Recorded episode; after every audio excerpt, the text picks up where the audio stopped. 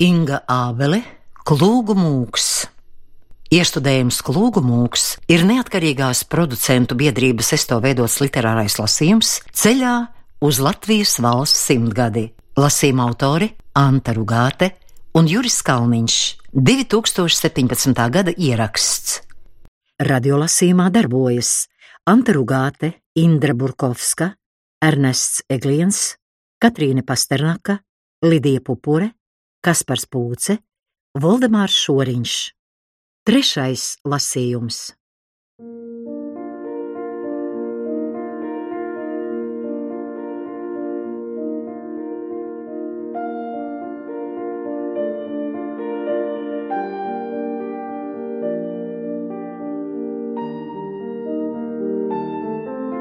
Kolna solā. To vakar viss bija mierīgi. Tā kunga 1864. gada 5. janvāra vakarā, pirms triju kungu dienas, jeb atkriškām, Tanslavs ilgi nenāca istabā. Slapstījās pa sētu, kā rēks uzauzdams apgaismoto logu atspīdumos. Caur tumsas autu viņš pētīja miglas kustīgo muti, kas lēni tuvojās rīdama apkārtni. Tanslavs bija paņēmis ogli no īvas pavarda un rakstīja uz visām durvīm, logiem un vārtiem šādas zīmes - K, M, B. Īva nāca pēc pirts ar drēbju sainīti rokās. Nāca uz pāteriem, bērni gaida. Zīmes jāatjauno īva. Treji ķieneņi neatradīs ceļu uz mūsu sētu. Nā jau viņi te nāks. Viņiem dēļ mūsu ne silts, ne salds. Tanslavs spītīgi iespēra ar kāju dunošajos dubļos.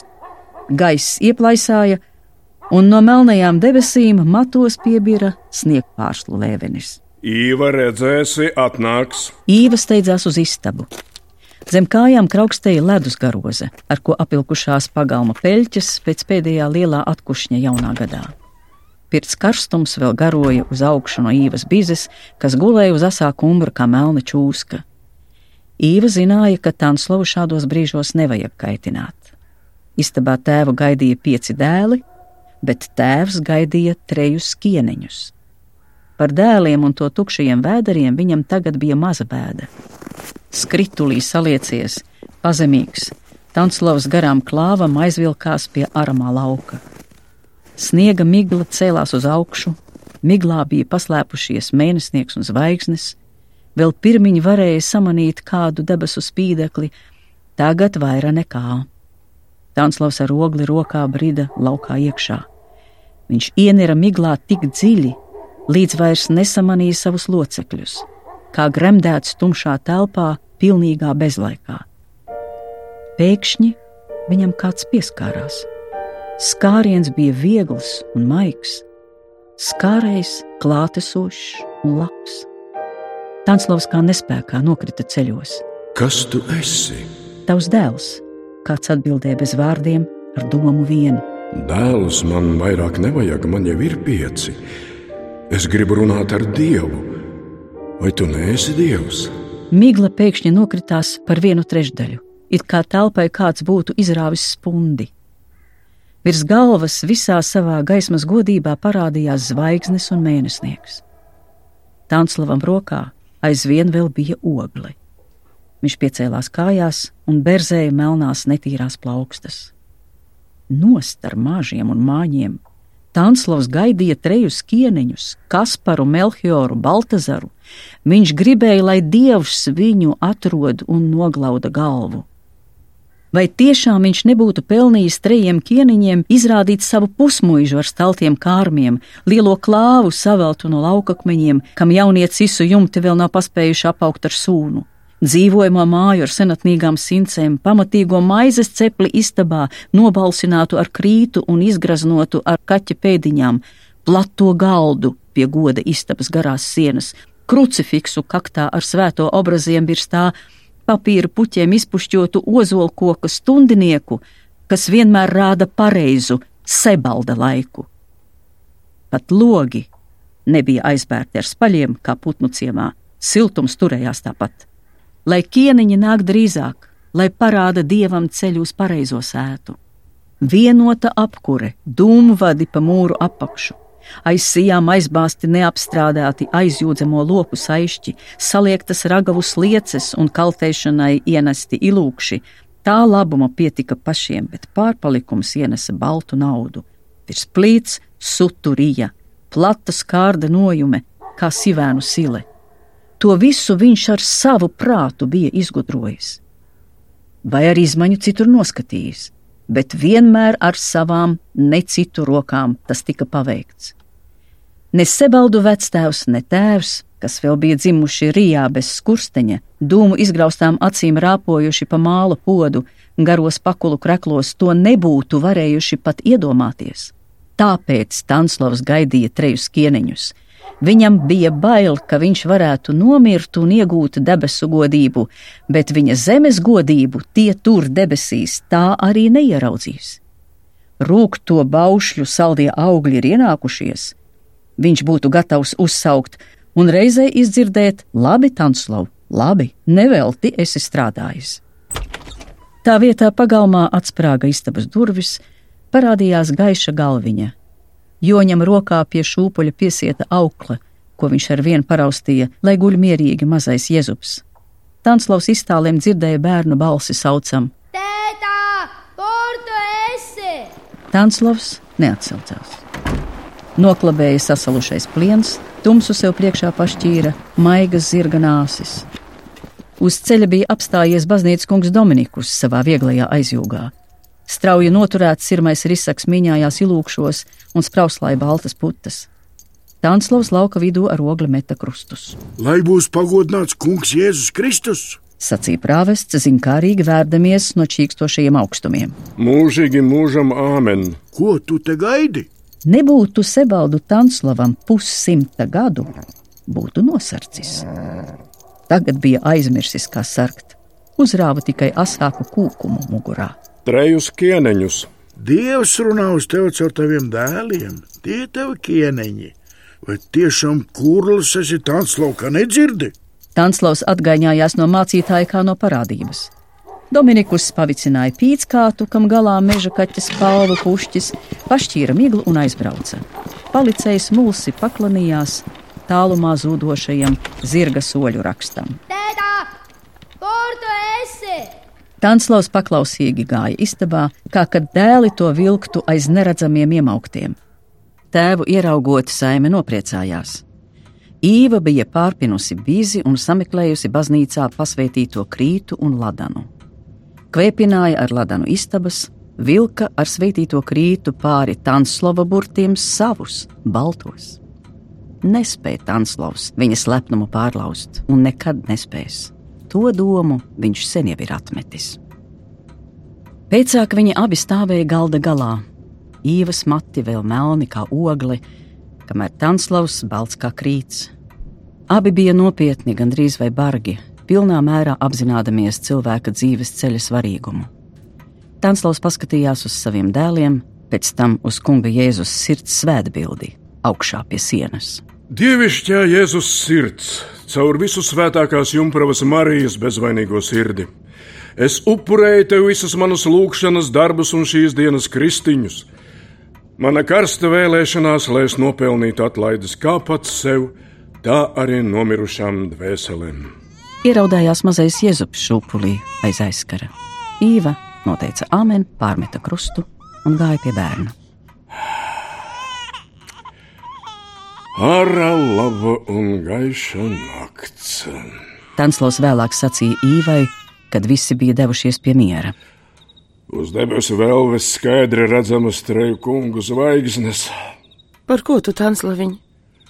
Tā ir liecība, ka nākamā vasara būs nepārāk lietaina, nepārāk sausa, tā būs auglīga un laba. Ja ne tā, tad nākamā vasara būtu vai nu lietaina, vai pārāk sausa un auglības ziņā nepārāk laba. Būs, būs auglīga. Ņurravoja īva, jau apgūlusies.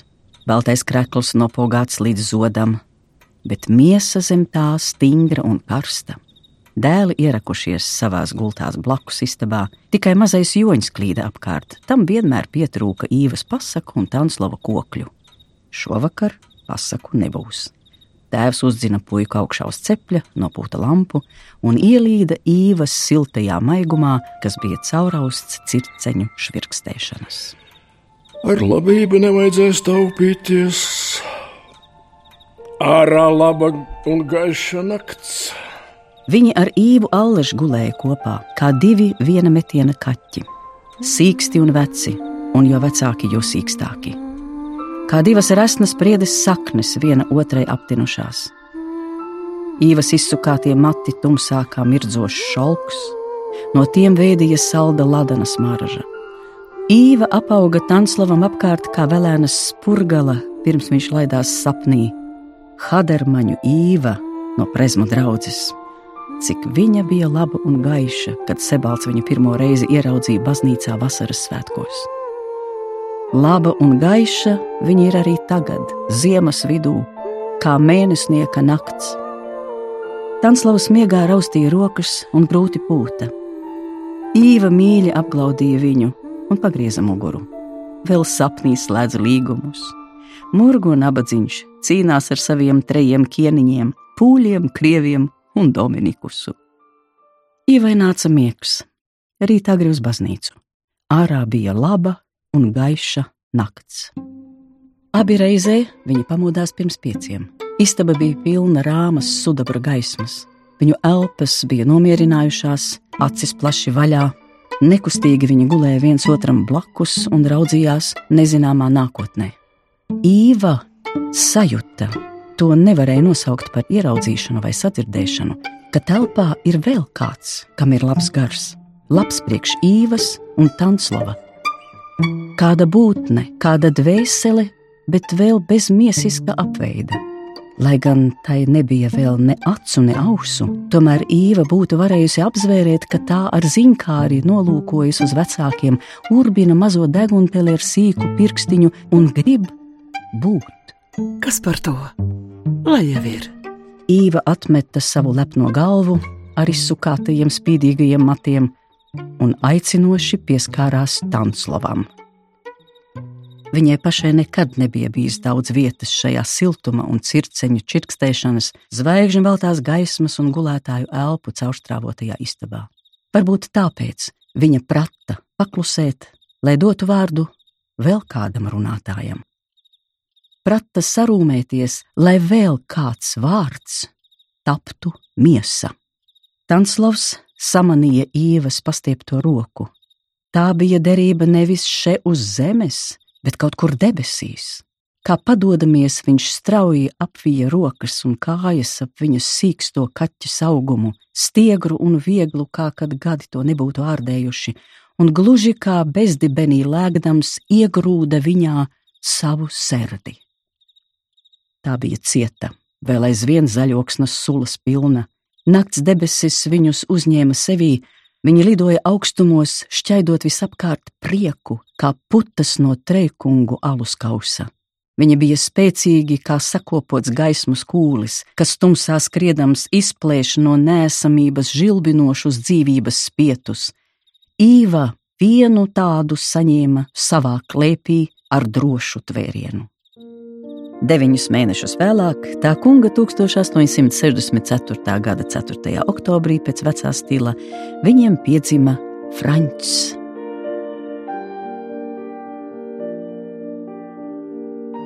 Mužnieka Gustava Mantēfeļa sastādītajā inflantu zemes laika grāmatā tajā dienā bija rakstīts: Dina Franciska atzinotoja iztatējo klaštoru Bernardinu. Saula Lats 632 Saula noriet 4,54. Oktobris bija nācis ar pirmajām salnām, kas nokoda tupeņu lakstus, aizsvilināja gatavus kļavus, katru citādā nokrāsā, un pūta pāri kaupriem miglu. Īva oktobrī gaidīja dīvaini mierīga. Viņa skatījās debesīs un laiku pa laikam aizdomājās. Aizdomājusies tā arī palika ar kādu darbarīku rokā, ar slauceni, ar siena klēpīti, palika un sastinga skatījās debesīs un domāja, domāja. Kad viņai kāds jautāja, tad Īva tā arī pateica. Aizdomājos. Aiz kurienes aizdomājās? Aiz pedeļu kalna, aiz dzeltenās bērnu birsteles, aiz pašas pamales vai aiz savas nākotnes aizdomājās, to viņa neteica. Droši vien pati nezināja. Iepriekšējā vakarā maza būtne viņas vēderā sagriezās ar galvu uz leju un taisījās uz āru. Īva slauca govis un sajūta ķermeni sagrābjam sāpes. Viņa zināja, ka katrai dzīvei būtnei ir savs laiks, bet vēl jau vairāk mazam bērniņam. Kā lēna zivs, grozīdamies un kustēdamies, viņš lavījās aizvien tuvāk un tuvāk mātes kaula vārtiņiem, pa sev vien zināmiem aizmūžos ieriktētiem celiņiem. Radības bija ierasta lieta īvas dzīvē, tikpat dabiska kā jebkura cita dzīves norise, ko lielais dievs bija pasaulē iedibinājis un kam atlika vien paklausīt tāpat kā tai paklausīja dzīvnieki uz zemes, zivis zem ūdens un putni kokos. Lai to sekmīgi izdarītu, vajadzīga bija tikai viena lieta - būt laimīgam. Un kas ir laime? Ugh, to ganīva zināja no galvas kā bauslību. Laime ir miers. Laimīgam cilvēkam nebija nekādu iekārošanu. Miers virs zemes, sauca eņģeļi par pasauli, kad piedzima Kristus. Vēlāk pats jaundzimušais solīja vien mieru, nekā cita dārgāka cilvēkam nespēdams dot. Mieru es jums atstāju, savu mieru es jums dodu, ne tā kā pasaule dod, es jums dodu. Bērns, kas vairāk nekā pusi gada gulēja mātes miesās, bija liels miera devējs. Pat milzu ķēves kļuva gurdas un pārstāja spārdīt ecēžu. Īva domāja, ka bērns mātes vēderā ir tāds kā visas dzīves paraugs, iesākas no nekā, aug lēni ar gudru ziņu. Radītājs gādāja, ka sievietes miesās izperinājās ne kumelēns, ne jērēns, ne cālēns, bet cilvēkbērns. Pats dievs to veidoja. Vai tad ķermeņa noslēpumainajos dziļumos to kāds cits varētu ietekmēt? Īvas māte Alma gan bija uzskatos, ka palīdzot, ja grūtniece skatoties katru dienu uz eņģeļa bildi, tad bērns piedzimstot skaists. Īvai nebija laika uz eņģeļiem skatīties. Dēli tāpat bija glīti un veseli. Īva todien par sāpēm daudz neuztraucās, nokāsa pienu, izmazgāja piena traukus un samauca uz sētas stabiem. Viņa domāja, ka viņai ir daudz laika, Vēl labu brīdi pastāvēja sētā, nolūkodamās, kā tumšzilajās debesīs, cita aiz citas iemirdzas milzīgas dzeltenas zvaigznes, kā pārdauzītas glāžu lauskas. Rudens bija apvilcis peļķes ar pirmo kraukstošo ledus kārtiņu, mazliet salrokas. Vakarā viņa nestrādāja rokdarbus, noskaitīja pāterus un taisījās pie miera. Migdama vēl Tanslavam pieteica, lai aizgādā rīt dēlus prom no mājām un pats paliek sētas tuvumā, lai vajadzības brīdī var aizbraukt pēc bērnu ķērājas Bernadetes, sauktas Bertas, kas dzīvoja dzerauņas nomalē. Viņa gulēja mierīgu un dziļu miegu visu nakti, kamēr lielā visuma likteņu audējs nemitējās strādāt savus rokdarbus pie viņas ķermeņa, maz pamazām brīvojot ejas bērna iznākšanai. Otrā rītā Īva modās agri. Dēli vēl šņāca savās gultās, tikai Tanslovs jau rosījās pa klāvu, to veidinādams un tīrīdams, lai īvai mēslu smakas laucot nešķibina dušu. Kā ik rītu, lielo pavardu virtuvē īva kurināja Marijas godzinkas skaitīdama, un kā ik rītu, skatiens istabas svētajā kaktā pie eņģeļu vaigiem pakavējās ilgāk. Spēcīgā balsī viņa nodziedāja Marija, Marija par saules podrāka, un kas grib Marijai dienēt. Darbi negribēja veikties, Īva dziedāja ar vien skaļāk, lai pārkliegtu atsākušās sāpes. Viņai ikdienas bija jāpabaro vesela talka. Kopā ar mazo Jēzupu, kurš jau skrēja kājām un ēda rāciņus, pa māju daždien grozījās septiņi cilvēki. No rīta nācās notīrīt veselu guļbu kalnu, lai pietiktu trijām ēšanas reizēm. Lielajā katlā vārījās jaunie kāposti ar sālītu jēra gaļu. Ūdens nešanu no akas viņa atstāja tansloziņā, arī runkuļu lapu kapāšanu pīlēm un cūkām, bet govis gan neviens cits viņas vietā nevarēja izslaukt. Kad īva cēlās pēc pēdējās govs slaukšanas, vēderā noplunkšķēja, tāda kā liela zivs pārmeta kūleni un uz slaucamā soliņa nolīja ūdeņi. Viņa vēl izdalīja pa šļācienam silta piena cūkām silēs, kas ikrīta našķi gaidīdamas jauca ozdorus un kliegdamas gāzi klāvu apkārt Vistas ķerkstēja pērkļos, veistīdamas par olu izdēšanu, jaunie gailēni sacentās pārkliegt citu citu, pīles bļāva, zvirbuļu pulki švirkstēja ap slieksni. Īva pameta slauktuvi un šim troksnim cauri metās uz istabu, kā bēgdama no apnikušās ikdienas. Tagad viņai mīlestības darbi darāmi. Brauc pēc Bertas. Viņa uzsauca Tanslavam, kas virtuvē dzēra kopēju. Viņš tūdaļ gāja piecelt dēlus. Puiša cilvēkiem piekrautais vezums aizlīgoja rudens miglā, pamestams sētu, kur turpmākās stundas valdīt lemts sievām. Pēc labas stundas Stanslovs atgriezās ar Bernadetu. Tā bija jauna meitša ar kastaņbrūniem matiem un augstu baltu pieri. Viņa apsēdās kaktiņā un lūkojās uz dzemdētāju mierīgām, tēraut zilām acīm. Sava miera, iejūtības un stingro roku dēļ Berta jau agros gados bija izslavēta bērnu ķērāja. Tanslavs palūkojās uz savu sievu, kas tobrīd sāpju lēkmē stāvēja sastingusi pret lielās gultas tumškoka galu. Lai nu notiek pēc tā kunga prāta. Viņš klusi noteica, cepuri rokā šņaudzīdams un aizgāja pupas gulti. Saule jau peldēja zemu virs rugaines, kad Rijā ieklupa Bernadeta. Viņas sejā vairs nebija nevēsts no miera. Tanslov, brauc pēc Edarčanu babas. Esmu sausā. Viņa teica sviedrus no sarkanā vaigas laucīdama. Tanslavs atlieca muguru, un no Bertas izskata tūlīt noprata, ka joki mazi. Viņš aizjūda savu ātrāko zirgu vieglajā divricī un aiztrauca tā, ka rati rībēja kā bungas. Čūsku vacīte pašlaik sēdēja pie galda mazajā istabelē, mizoja ābolu un skatījās pa logu kāju šūpinādama. No karas sila izripoja tāda kā putekļu, kā mēļas miglas bumba, un samilzdama lielāka, puskrēslā šķita zilgana nelaika tūce.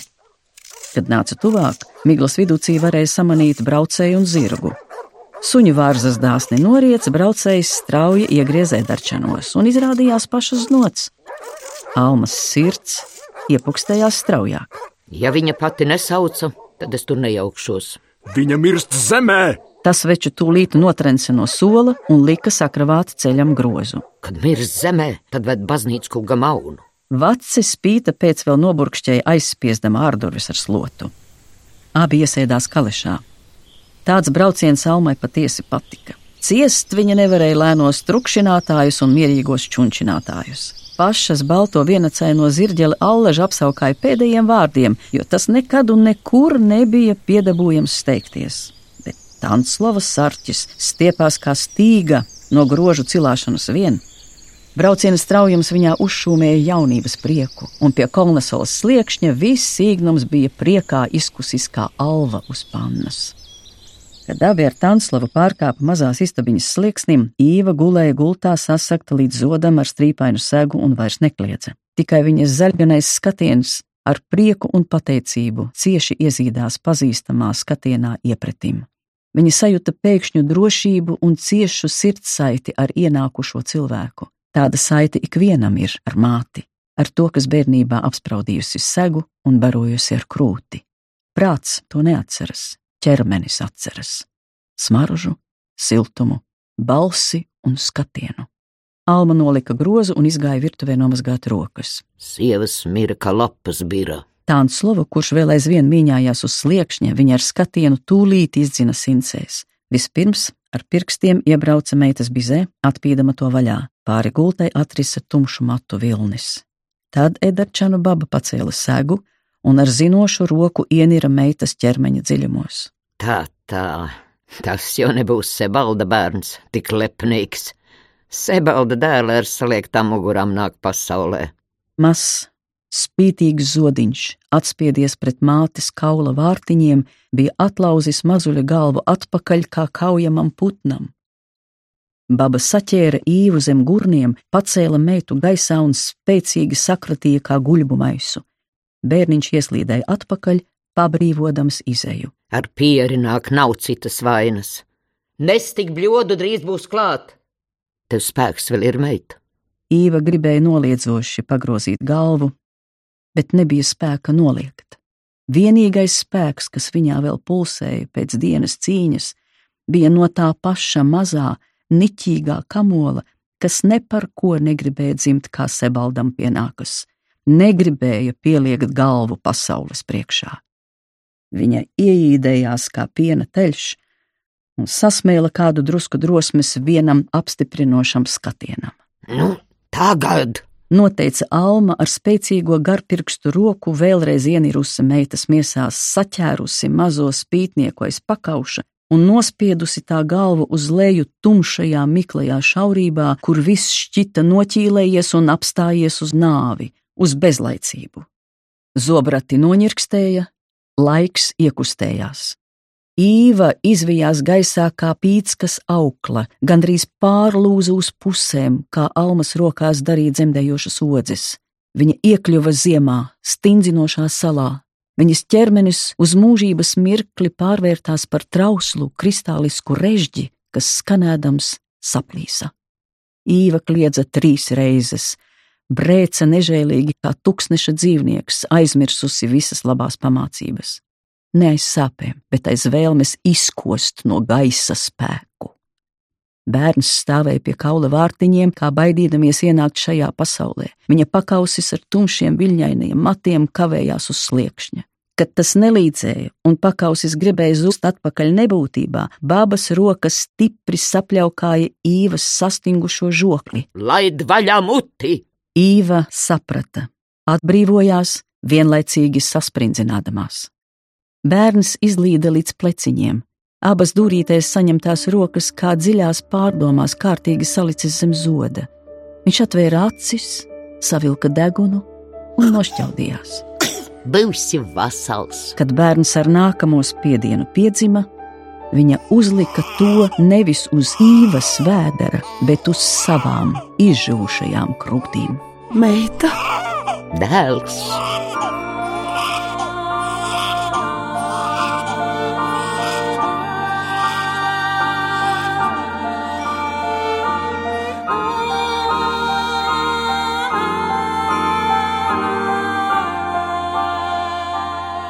Te nu bija tas, ko lepnums viņai bija gribējis noskaust. Nevienu Tanslava bērnu nebija varējusi pieņemt tā oģu naida dēļ. Nu viņa juta sevī savādas svārstības. Pulksteņa rādītājs strauji apļoja atpakaļ, viņa atjaunojās. Tās nebija mazā puisīša plaušas, kas zemes atmosfērā mazajās krūtīs atsitās vaļā kā mirdzošs saules sargs un ierāva pirmo gaisa malku. Tās nebija viņa papīra plānās nāsis, kas pletās. Tā nebija viņa balss, kas kā sarežģītu melodiju mācoties ar skaņu kliedzienu pieteicās pasaulē. Tas viss piederēja vecajai Almai. Viss simtkārt skatītais, nu tapa jauns un neredzēts. Puisīša acis, mirdzošas kā divi dūmu opāli, no nesasniedzamas tālienes lūkojās tieši viņā. Viņš smaržoja neizsakāmi labi pēc tīrības, lavandas ziepēm un spirkta vēja. Francisks! Iesaucās Edarčānu baba, kad nabas saite bija pārstājusi pulsēt. Viņa pārgrieza to un nosēja mezglā, kā paņemdama bērnu sev. Īva skatījās žēlām acīm, jo baba pati aplaizīja bērna sejiņu, kā dzemdētājas mēdza darīt, pasargādamas bērnu no nobrīnēšanas. Kas par to, lai jau ir? Īva samierinājās. Šis bija tas mirklis, uz kuru tik ilgi gaidīts - samierināšanās posms saimes karu ķēdē. Bernadeta lūkojās uz abām acu nepamirkšķinādama. Izsenis viņa bija dzirdējusi par čūsku babu, nu pieredzēja pati arī tos muskuļus pie almas pleciem, krietna rupmaizes klaipa biezumā, kas zem plānajām linu piedurknēm karājās kā miltu maisiņi, bet uzblīda par kalēja laktām, kad vajadzēja atspiest vaļā kaula vārtiņus un noliekt spītīgā mazuļu galvu uz leju. Babai taču krietni pāri par septiņdesmit vasarām. Tur vajadzēja spēka, varbūt pats kalējs kaupris to nespētu. Viņa slepus aplūkoja savus augšdelmus.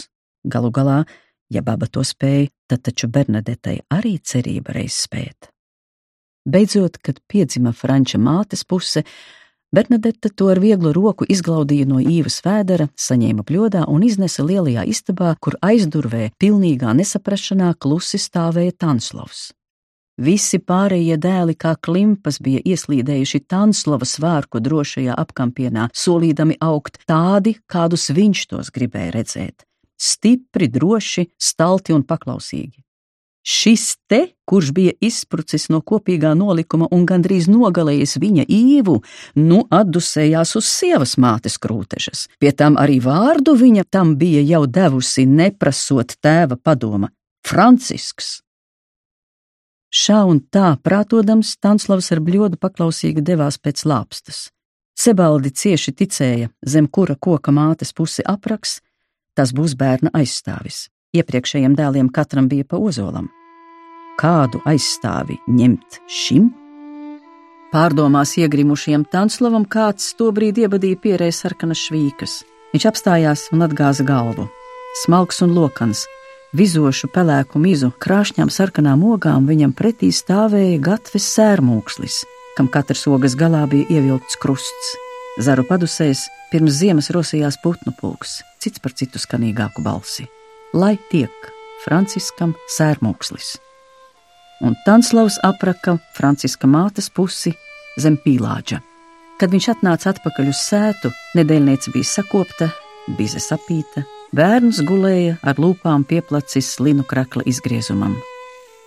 Vīru ieraudzījusi īva vainīgi pasmaidīja, šoreiz nebija iznācis pēc Tanslava prāta. Baro labi, kad sāksies saknes sūtīšu viņam pakaļ. Noteica Alma un iekāpa ratos, kur jau sēdēja Bernadeta. Tanslavs uzmetās uz ratu priekšas un uzsauca: No! Kad viņš atgriezās mājās ar pārējiem dēliem, abiem jaunākajiem bija jāpārdzīvo liels izbrīns. Jēzu pa vietu šūpulī nu bija aizņēmis mazs brālītis ar dzelmes acīm un cirtainiem tumšiem matiņiem. Kur tu viņu ņēmi, mamīt? Bernadette izvilka no asaru ezera. Saguvais kājiņas, kad pats nevarēja izpeldēt malā. Īvas bālajā sejā vizēja prieks par atpūtas šaltiņu. Tādā saltā dienā peldējās? Tikmēr Jēzu pa lūpa izstiepās vai līdz zemei. Viņa klūgu šūpulis bija aizņemts, Māte piecēlās no gultas un iesvieda bimbu savā iesildītajā vietā, platajā gultā. Kādu laiku, lai padzīvotu tur, tad pārcelsies uz puišu istabu. Sebaldu šūpulis vēl nekad nebija stāvējis tukšs. Jēzus tūlīt nomierinājās, sāka smaidīt un īkšķi sūkādams iemīga. Īva paskatījās uz Tanslavu, kurš domīgi sēdēja pie plīts. Uztais kopēju, drīz nākšu. Uz pagalma taciņas vecais kļavs bija nometis kaudzi dzeltenu lapu. Tās čaukstēja tumsā, mirdzēja lāktura gaismā un neprātīgi smaržoja pēc zelta un trūdiem. Klāvā īva atrada slauceni, neskartu, turpat, kur no rīta bija atstājusi. Viņa pacēla to un dzēra balto vēso krējumu, kas bija paguvis sastāties virspusē. Dzēra ilgi kā rudens miglu, kā atmostamās no nāves.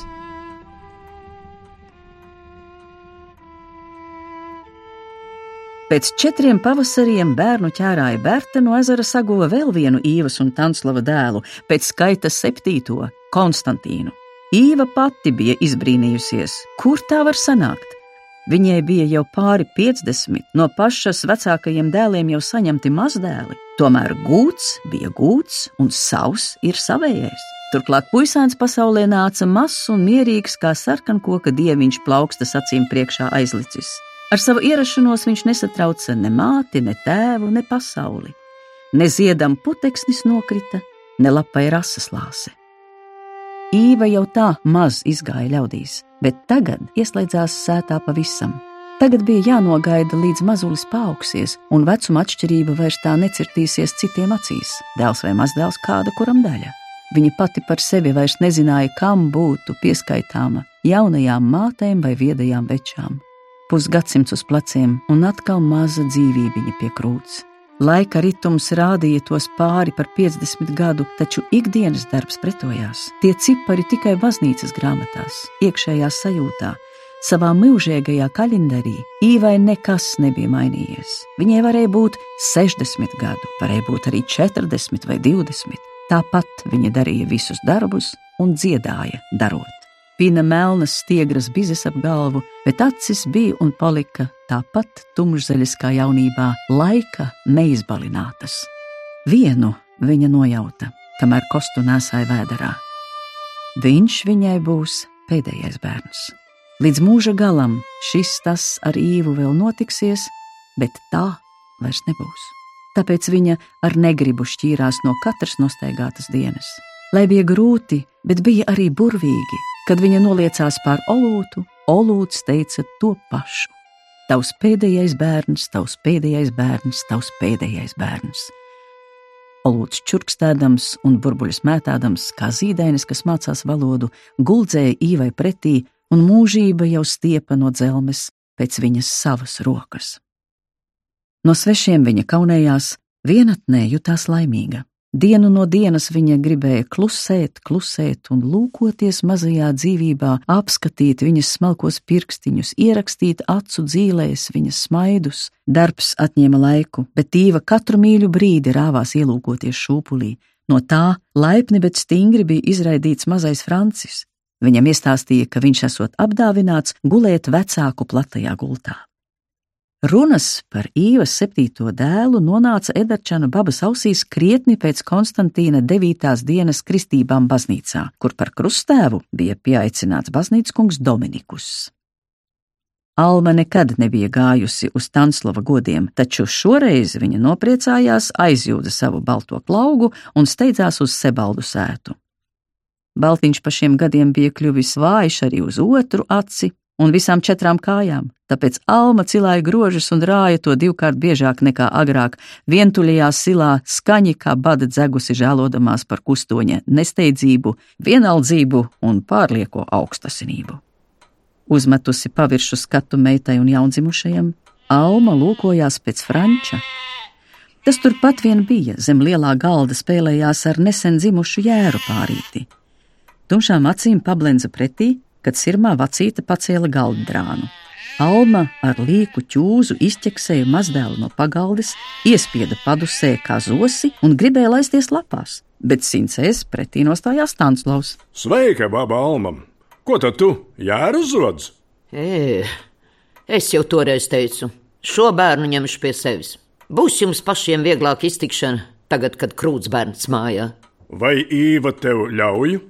Īva cieta klusu un tikai skatījās. Pati nozīsta vāja un zilgana kā virsis, bizi atrisusi, matu cirtas kopā ar vēnām zīmēja vijīgus rakstus uz vīstas sākušās ādas. Lai bērns pats pasaka. Tanslavs Francis sapurinājies sīkā pleciņa. Brauksi līdzi babai, vai arī paliksi tepat? Nu, saki. Francis ar izbailēm lūkojās babas acu dziļajos dobuļos, tad ieņukstējās. Vuškiņas gribu līdzi. Tanslavs izvilka no pagaldes pītu klūgu grozu, ielika tajā abus jērēnus, iemeta ratos kopā ar veco aitu sapītām kājām. Baba pienesa Franci pie mātes gultas atvadu svētībai un nobāra īvu, dāvādama tai nelielu butelīti. Kā jau domāju, tā ir. Pavisam bez varas esi nodzinusies. Še, izdzer pa malkam no rīta. Īva paņēma butelīti, noskūpstīja Franci un atkal palika kārotajā divvientulībā ar savu pēdējo bērnu. Lēnais brauciens kopā ar babu un vuškiņām caur kara silu uz putnu ciemu mazajā Francijā atstāja neizdzēšamas pēdas, neizdzēšamas un vienlaikus nemanāmas. Tajā dvēseles pusē, kas kā mēnesnieka neredzamā daļa vienmēr slēpjas pakrēslī un ko mēs pie labākās gribas nevaram ieraudzīt. Šai dvēseles pusē tādai jābūt jo tieši tāds ir tās uzdevums - palikt neredzamai. Tikai savāds satraukums ar vienu iešalksies asinīs, kad acis skatīs ko līdzīgu tai ainavai, kāda skatīta dzimtenē. Baltiņš uzmanīgi cilāja stīvās kājas, baba ar vienu roku valdīja grožus, ar otru turēja aitu aiz skausta. Viņas elpoņa drošajā ielokā Francis bija izslējies uz divriču soliņa un grozīja galvu uz visām pusēm, kā tikko pirmo pūku uz kakla ieguvis putna bērns. Viņa acis ar reizi aptvēra neparasti plašu skatu. Tā bija Latgolas augstiene, tā sauktais Riesnes plato. Vietā, kur no ceļa atkāpās sili, apvārsni ar savām smailēm visās debesmalās durstīja baznīcu torņi, viļānu, varakļānu, dricānu, ciskodu. Vajadzēja tikai tos pa vienam salasīt starp bērnu virzīm, kā valdziņu sadāmā zeķē. Francija aizbūra skats pa kreisi uz Lubāna pusi, paņēma savā varā. Rietošā māja saule, mīksta un maiga, kā klānos ieplūdusi rožaina jūra, savu sarkano vilni jauca ar zemes zaļo tālumu un noriets dzirkstīja visās dārgakmens krāsās. Francis nopūtās vēl neapjaustas dzīves skaistuma priekšā, ievilka elpu krampjaini kā zīdainis pēc ilgas raudāšanas, tad nolēma nepadoties. Un nepadoties šajā gadījumā nozīmēja pieņemt likteņa pagriezienu. Brauciens ātri aizmirsās un nogrima bezapziņā, bet lēmums pieņemt gan palika atmiņā kā pirmais apzinātais rīkojums sev. Mazais puika pagriezās kustības virzienā, kur apvāršņus ar zilganu tinti jau bija piesūcinājusi tumstošā nakts. Paklausīgi kā vuškiņa noslīga atpakaļ ratos pie vecās mammas siltā sāna, ieritinājās azotē un valdonīgi pacēla sīko zodu pret tumsu. Lai nāk, kas nākdams. Edarčanu babas istaba šķita mūža veca, vienlaikus jauneklīgi stipra un vecišķi trausla. Šo iespaidu radīja lietu mikslis krēslainajās bezlogu sincēs, kas drīzāk bija plašs no dēļiem piebūvēts mājas gals. Kā vecupē iedzītas, iestigušas laivas, šur tur rēgojās smagas apkaltas pūras krīnes, pilnas ar reizi gadā cilātiem un veidinātiem audumiem vēl no pagājušā gadsimta, kas gaidīja savu laiku, lai taptu par brunčiem, skustiem, sveitām, snātenēm, palagiem. Istabas augša bija vaļēja, uz to veda zarainas koka trepes, un tur dzīvoja vistas ar savu priekšnieku gaili. Zem trepēm stāvēja gara, gadsimtos nomelnējusi sile, izdobta no ozola stumbra. Lai arī sausa, tā izgaroja reibinošu saldu smaržu, jo bija iesala sile alum. Uz godiem tā allaž bija pilna ar zeltainiem miežiem un brūnganu alus misu. Aizvien retāk un retāk gadījās godi, aizvien skumjāka un tumšāka sadrūma sile. Tomēr tā tur stāvēja un gaidīja kā sasalis ezers, ko viens piliens var atburt priekam. Pa galvenajām durvīm varēja iekļūt dzīvojamos kambaros, divi šaurās garās istabās, kuras atdalīja liels, balti balsināts ceplis, uz kura Francis kopā ar babu pavadīja turpmākās ziemas. Šīs garās ar vītolu draunicām izšūtās istabas viesa sirdī smeldzīgu pakrēsli. Varbūt vainīgi pie tā bija mazie sīkrūšu lodziņi, aizausti ar ģerāniju, smaragd zaļajām smalklapu spicēm. Francim šķita, ka dzīve palikusi ārā, atkāpusies tālu prom, un tā ir lāga. Dzīve zina, kā Francim labāk, un viņu neaizskars. Šī pasargātības, jēgas un sakārtotības sajūta nekad babas mājās no franča neatstājās. Par dažām lietām, skrāpējumiem uz palūdzēm, švīkām, cepļa sānā vai izšūtiem dvieļiem, baba teica, ka tas ir viņa mātes īvas roku darbs kad viņa te auga. Skumju brīžos Francis pieskārās tiem ar pirkstu un it kā sadevās rokās ar māti, guva mierinājumu. No labās puses kambara pa zemām gala durtiņām varēja nokļūt stūra virtuvē. Tā sauca telpu, kas bija pa pusē riepa, pa pusē ārā virtuve, kā pirms gadu simta. Tur grīdas vietā bija cieti noblietēts māla klons, saukts par podu, bet logu nebija. Gaisma nāca iekšā pa durvīm mājas ārsienā, un pa tām pašām ārā skrēja dūmi. Poda vidū zemē paraktā bedrē kūrējās guns, uz tās vārīja ēdienu lielā katlā, kas karājās uz kāša. Sodrējiem klāti katli rindojās arī gar sienu uz augstiem kaltiem trīkājiem. Šo smago melno čugunu mantību babas vecvecāki esot atveduši līdz no kūrzemes. Katlu sānos zem roktura vēl bija iekausēti sveši, sarežģīti ģerboņi. Šajos katlos vārītais ēdiens garšoja īpaši labi. Vienā katlā glabājās raudzēts auzu ķīselis, ko skāņu un uzmundrinošu babiņa padzērās no rītiem, lai remdētu kaitinošās vecuma grēmas. Auzu miltus jaunai porcijai viņa pašrocīgi izsijāja caur bronzas brūno roku, kā baltu sniegputeni, un šķita, ka savu spēku ķīselis gūst no viņas pirkstiem, Zemē nobirušajām druskām no istaba augšas uzglūnēja vistas. Pats pirmais ēdiens, ko Alma pagatavoja savam mazdēlam, bija zacirka. piena zupa ar smalkām klimpiņām. Nogurušais puika sēdēja uz sliekšņa ar savām buškiņām klēpī. Dūmi gāzās ārā pa atvērto durvju ailu virs galvas, bet pie galda stāvēja baba un, kā viņam šķita, būrās. Viņš centās acis turēt vaļā, bet acu āboli ar vien kaut kā dīvaini sagriezās, apvēlās, un smagā galva tajos mirkļos it kā nolūza no tievā kakla, atsizdamās pret stenderi. Neguli, neguli. Zeltīts atnāks apēdīs. Baba teica par zacirku, redzēdama, cik varonīgi mazdēls cīnās ar miegu. Viņš atmodās gan, iepleta acis ne jau pats no sava gribas spēka, bet no izbailēm. Stidziņa, kas veda cauri aizaugušajam ābeļdārzam, bija pilna ar zelkšiem un šķita dzīva prieve maigajā vakarkrēslā. Desmitis laiku augumu uz tās meta vijīgus līkumus, brūngani, zilgani un pavisam tumši. Zelkši klusu pāri slieksnim vēroja pavardu, cilādami savas kronētās, plakanās galvas ar zelta ausīm, nemaz nebaidīdamies no Franča. Turpi! Francis lūkojās pēc koka, kā bija redzējis vecākos brāļus darām. Vajag nosist! Babiņa nosodoši pašūpoja galvu. Vai tevi pašu kāds ir nositis? Kāpēc tu gribi darīt to citam? Baba ielēja no slauktuves mazā silītē siltu pienu. Zelkši pārmaiņus līda klāt un dzēra. Francis tos vēroja un izbrīns nomāca bailes. Viņš nebūtu domājis, ka zelkši dzer gluži kā putni, iemērts muti pienā un tad ceļ galvu pret debesīm. Daudz viņiem nevajadzēja pāris lāšu. Tad viņi sašūpoja kaklu, kā dejojot, un pazuda zālē. Ko viņi dara? Tencina Jēzu Kristu un visu svēto jumpravu Mariju. Es tev vēlāk pastāstīšu par zelti, kad iesi gulēt. To, ko es kādreiz no savas babiņas dzirdēju.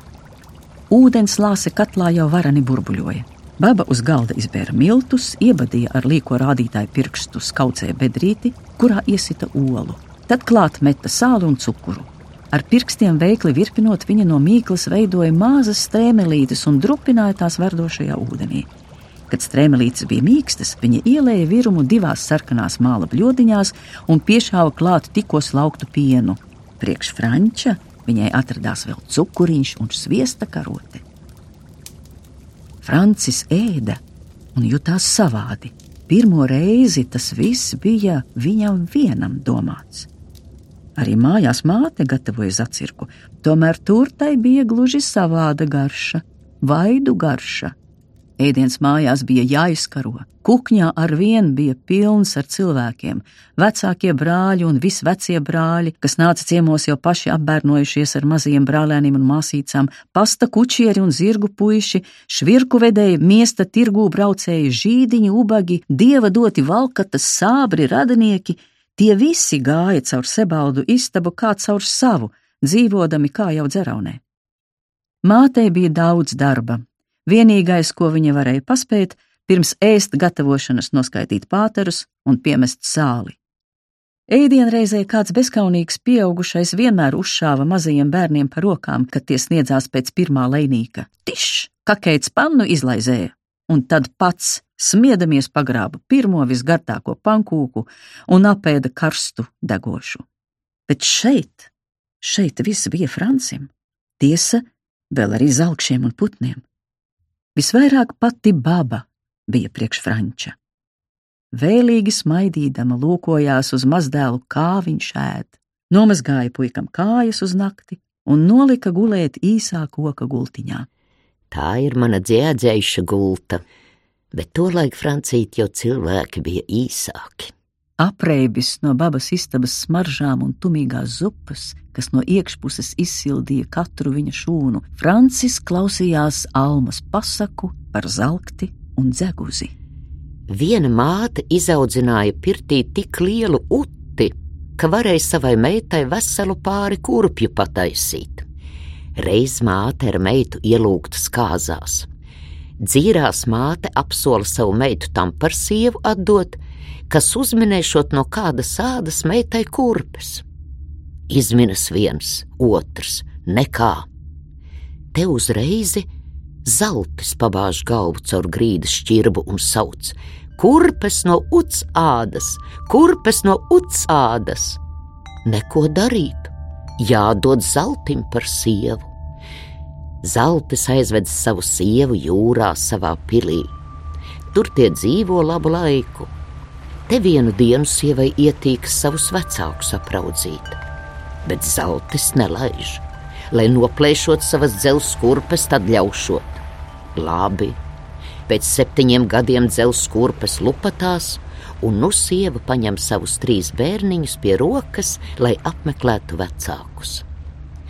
Zeltis pavada visus četrus līdz jūras kāpām un tad saka: Atpakaļ nākot pie jūrmalai tuvu, tuvu, un tad sauc: Zelti, ja esi dzīvs, tad met piena burbuli, ja nedzīvs, tad met asins burbuli.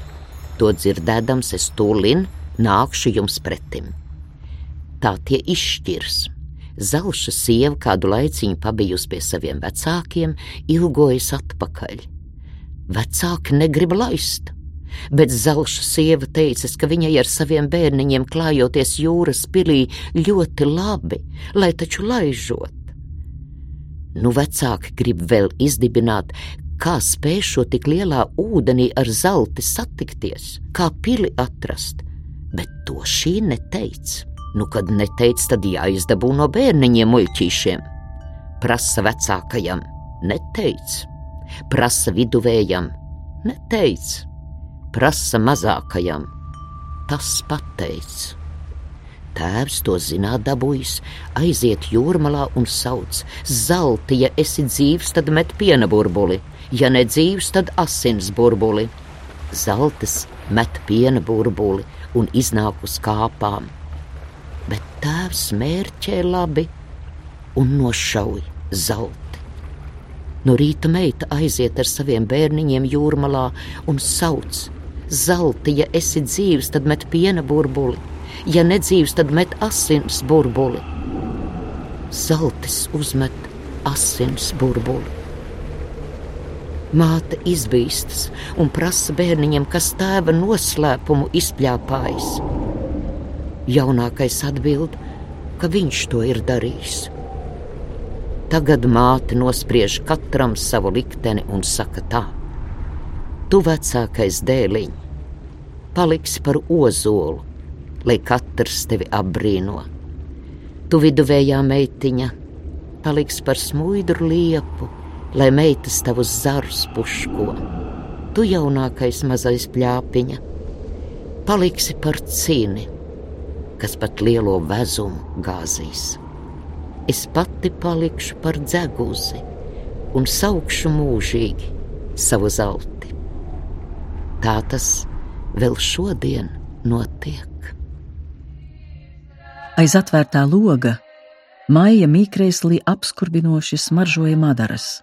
No attālā krista putnu ciema krustcelēs šurp plūda smalki balsi. Tur sievas dziedāja maija nakts dziedājumos saļmus par godu visu svētajai Jumpravai Marijai, Māras zemes karalienei. Kas ir jūra? Jūra ir tāda vieta, kam nav gala ne malas. Francis pamāja. Viņa acis zem plakstiem apgriezās uz augšu, un viņš ieslīdēja miegā kā zelktis maršpilnā zālē. Sapnī viņš redzēja zilu, zvīļojošu bezgalību Šīs bezgalības krastā kāds stāvēja un sauca viņu malā. Kāds, kuram viņš bija viss, kāds, kuram viņu tik ļoti vajadzēja, kāds, kuram viņa nekad nepietika, kāds, kurš bija gatavs saukt un gaidīt bezgalīgi. Un kopā ar bezgalību Francis tajā naktī apjauda arī mīlestību. izskanēja Latgales Latviešu kongresa un Latvijas valsts simtgadē veltītais Inga Sābeles romāna Klūgu mūks Latgales radio liela ieskaņojuma trešais lasījums.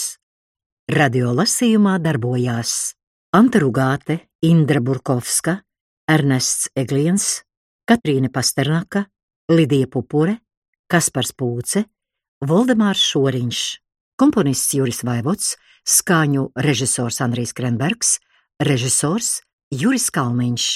2017. gada ieraksts